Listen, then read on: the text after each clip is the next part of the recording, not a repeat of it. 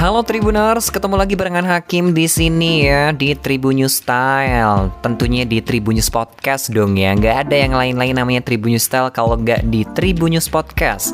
Nah kali ini Hakim bakal ngajak kamu jalan-jalan untuk mencari pengetahuan ya. Jadi yang jalan-jalan tuh bukan orangnya, tapi otaknya ya. Otak kita di sini jalan-jalan bersama-sama dan di jalan-jalan kali ini kita bakal mengetahui tentang gimana sih di dunia kerja terutama bagaimana cara berkomunikasi yang efektif di dunia kerja. Kadang buat anak-anak kuliahan atau anak-anak SMK yang mau kerja yang udah ancang-ancang diri pengen kerja nih. Tahun depan gue pengen kerja di tempat A. Di tempat B posisi A posisi B. Yang perlu teman-teman tahu itu adalah bagaimana teman-teman nanti menjalin komunikasi yang efektif di dunia kerja yang teman-teman sudah rencanakan. Nah, di sini Hakim sudah melansir dari laman international ya, international ya ini ya, Fremont College ya, dan di situ disebutkan bahwa komunikasi efektif di dunia kerja itu memang bisa dilihat dari cara penyampaiannya nih Tribuner. Jadi Hakim kasih tahu dulu nih ya, cara penyampaian dengan berkomunikasi secara efektif di dunia kerja yang paling pertama atau yang paling umum deh, yang paling diutamakan ya maksudnya kamu harus tahu yang namanya komunikasi nonverbal karena ketika kamu berbicara di depan banyak orang, kamu tidak hanya ngomong doang, tapi kamu juga bermain gestur, kamu juga bermain ekspresi. Itu adalah komunikasi nonverbal yang harus kamu tunjukkan ketika nanti berada di dunia kerja.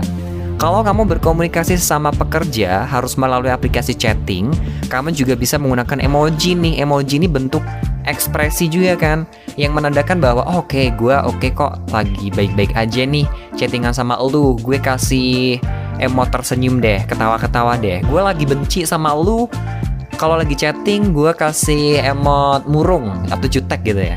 Gue lagi seneng banget sama lu gue kasih lope-lope. Nah itu salah satu cara menggunakan komunikasi nonverbal di aplikasi chatting. Terus gimana sih Kim cara biar komunikasi kita efektif di dunia kerja selain kita mengetahui tadi yang awal tadi ya komunikasi nonverbal? Yang pertama, kamu harus menggunakan aplikasi-aplikasi lagi. Mau ngapain? Mau belanja lu? Enggak, kamu harus menggunakan ekspresi dan juga gestur. Yang ini yang pertama tadi sih maksud Hakim ya. Ini Hakim kurang fokus nih. Aduh mohon maaf deh ya. Itu tadi maksud Hakim yang pertama menggunakan komunikasi nonverbal baik tatap muka maupun melalui dunia digital kayak chatting. Kadang kan ada ya. Aduh mikrofon hakim nih ya. Mikrofon hakim bunyinya kayak beling. Jangan-jangan mikrofon gue ini lagi. Kayak sepatu kacanya Cinderella gitu ya bling-bling gitu ya. Oke okay, no. Sekarang kita bakal uh, mengetahui gitu ya atau kita studi kasus langsung. Di dunia kerja ada kadang dari atasan ke bawahan atau bawahan ke sesama karyawan dia chatting tapi dia tanpa menggunakan emoji itu bisa menimbulkan perasaan-perasaan yang berbeda gitu. Aduh, kok dia nggak pakai emoji sih? Kayaknya dia jutek deh. Dia jutek banget sama gue. Kayaknya dia lagi marah nih sama gue. Gue punya masalah nih kayaknya sama dia. Apa gue berbuat salah gitu sama dia gitu? Nah, kadang perasaan-perasaan atau pembatinan, aduh pembatinan kayak apa lagi? Yang kayak gitulah intinya itu ada ketika kita ngebaca chatting yang di situ nggak ada WKWK, nggak ada hahaha, nggak ada emoji-emoji. Itu menimbulkan perasaan-perasaan yang seperti itu. Bahkan nanti akan ada suzon satu sama lain yang bikin misunderstanding atau miscommunication. Jadi buat kamu yang hobi banget kan sekarang lagi zamannya WFH atau work from home, bisa gunakan chatting dengan sesama rekan kerja itu menggunakan emoji atau emoticon ini tadi. Kalau tatapan langsung bisa dengan gesture dan juga expression. Terus yang berikutnya, kamu bisa menggabungkan antara komunikasi verbal dan juga nonverbal kayak yang Hakim bilang tadi bahwa lu ngomong gak cuma sekedar ngomong tapi lu juga bermain gerakan tubuh kamu kamu juga bermain ekspresi kamu gerakan mata kamu mulut kamu, terus juga gerakan tubuh kamu dari kanan ke kiri, ke depan, ke belakang, ke atas, ke bawah gitu ya. ke atas ke bawah gimana ya punya sayap tuh ceritanya? Bukan, pokoknya maksudnya begitu deh. Jadi ada sebuah cara yang bisa kamu lakukan untuk menggabungkan antara komunikasi verbal dan nonverbal. Salah satunya adalah ketika kamu berbicara, cobalah dengan senyuman, cobalah dengan ekspresi yang mengembirakan, biar nanti feedback yang kamu dapat itu juga bagus. Kalau kamu bicaranya jutek, nanti orang pasti bakal gila lo yang ngomong sama gue jutek banget sih lo, lo punya masalah sama gue. orang bakal ngerasa kayak gitu. Ini harus kita hindari banget nih Tribuners.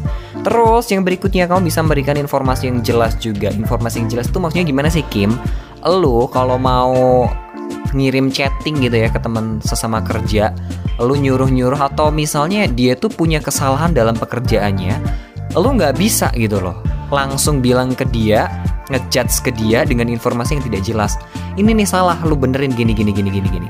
Padahal menurut orang lain itu benar. Nah ini harus jelas nih dari misalnya aku, aku yang mau marahin kamu, aku mau marahin kamu yang kamu tuh kerjanya nggak becus gitu dari rumah. Aku tuh udah ngejat mati-matian gitu loh. Padahal kita harus melihat perspektif yang lain juga. Barangkali menurut gue ini salah, tapi menurut orang ini benar. Dan ini berhubungan banget dengan cara yang keempat itu menawarkan umpan balik yang positif kepada rekan kerja kita yang sedang melakukan kesalahan. Kalau kita marah-marahin, kita jutekin, dia justru bakal makin down, dia justru bakal makin tidak bersemangat dalam bekerja.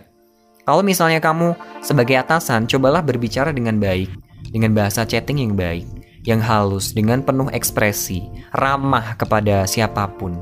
Kalau seperti itu, orang bakal ngasih feedback yang baik ke kamu. Oh iya, makin semangat atau makin giat lagi kerjanya.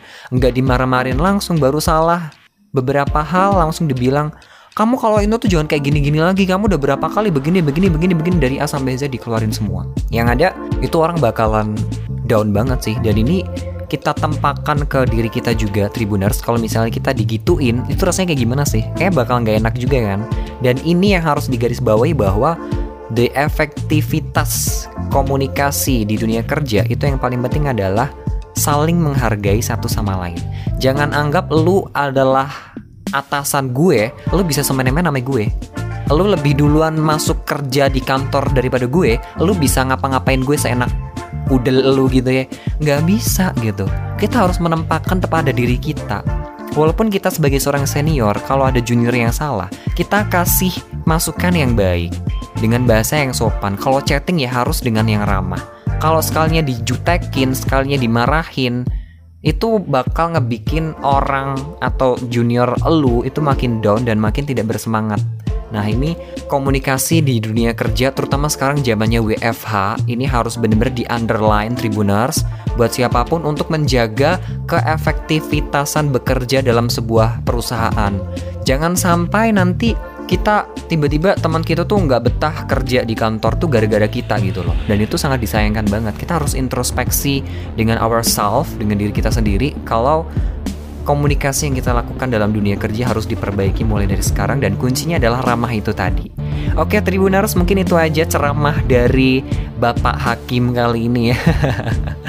Oke ya Bapak Hakim, Om aja gimana tuh Kadi gimana sih?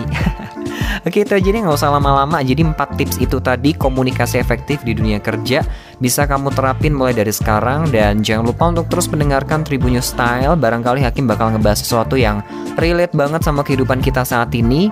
Kamu juga bisa request di kolom komentar YouTube tribunnews.com dan jangan lupa untuk follow podcast di Spotify Tribunnews Podcast dan juga di YouTube tribunnews.com. Oke, sampai jumpa di lain kesempatan. Akhir kata dari Hakim, semangat bekerja karena menikah tidak dibiayai negara.